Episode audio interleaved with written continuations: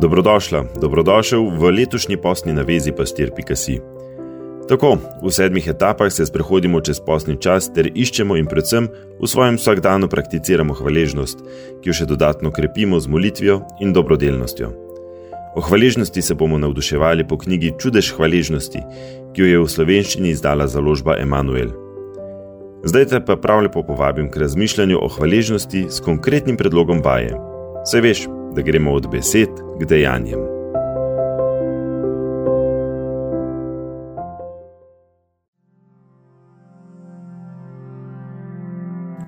Odkrite preobražajočo moč hvaležnosti. Hvaležnost ima neverjetno moč, da te preobrazi, spremeni.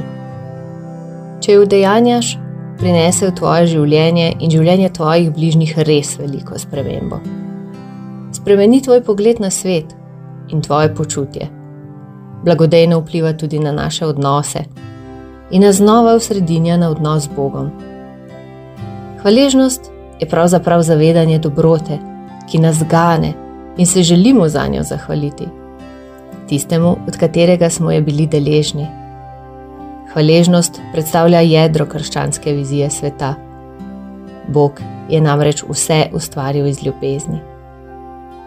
Bolj kot sem hvaležna za milosti, ki sem jih že prejela od Boga, bolj se mi srce odpira, da sem jih deležna še več in da se jim pustim preobražati.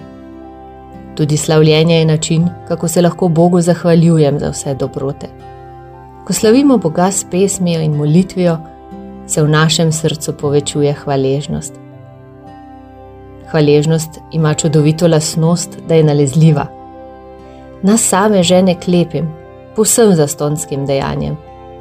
In kaj k malu se vzpostavi veriga hvaležnosti, ko se tudi drugi okrog nas začnejo odzivati tako.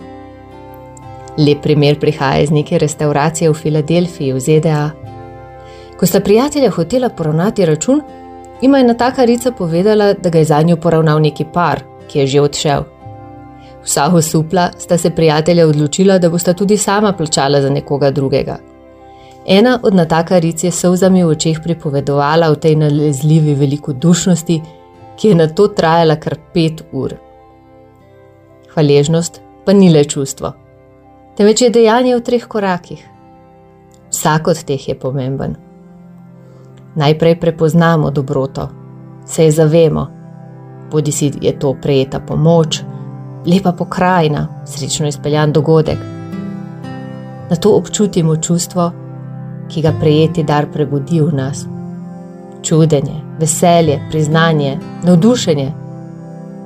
In na zadnje se zahvalimo za dobroto in nekaj storimo. Hvaležnost nas preprosto žene v dejanje.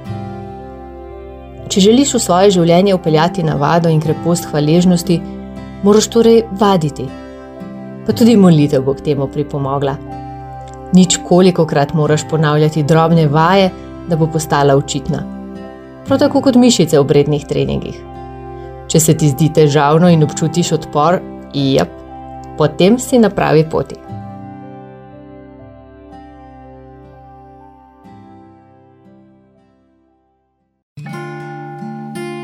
Beležnica hvaležnosti.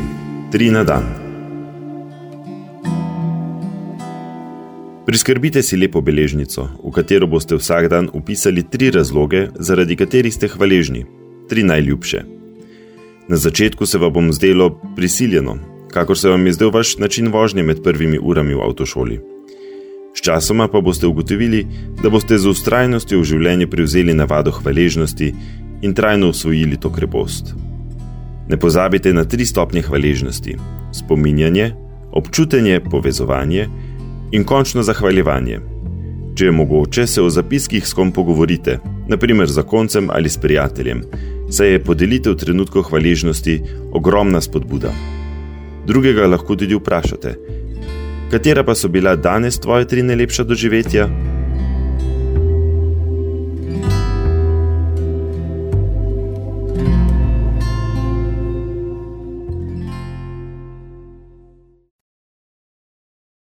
Gospod, zahvaljujem se ti za dan, ki ga prejemam iz tvojih rok. Pripravil si ga zame, tako da v njem ni ničesar preveč in ničesar nepotrebnega. Ta dan je moj strovina, kot nalašč ustvarjen zame. Že zdaj se ti zahvaljujem za vse radosti in priložnosti za čudenje, ki si jih umestil v van. Pa tudi za vse težavne trenutke, ki bodo zame priložnost za rast. Milostno mi nakloni, da bom vsak trenutek v hvaležnosti živela, združena s teboj.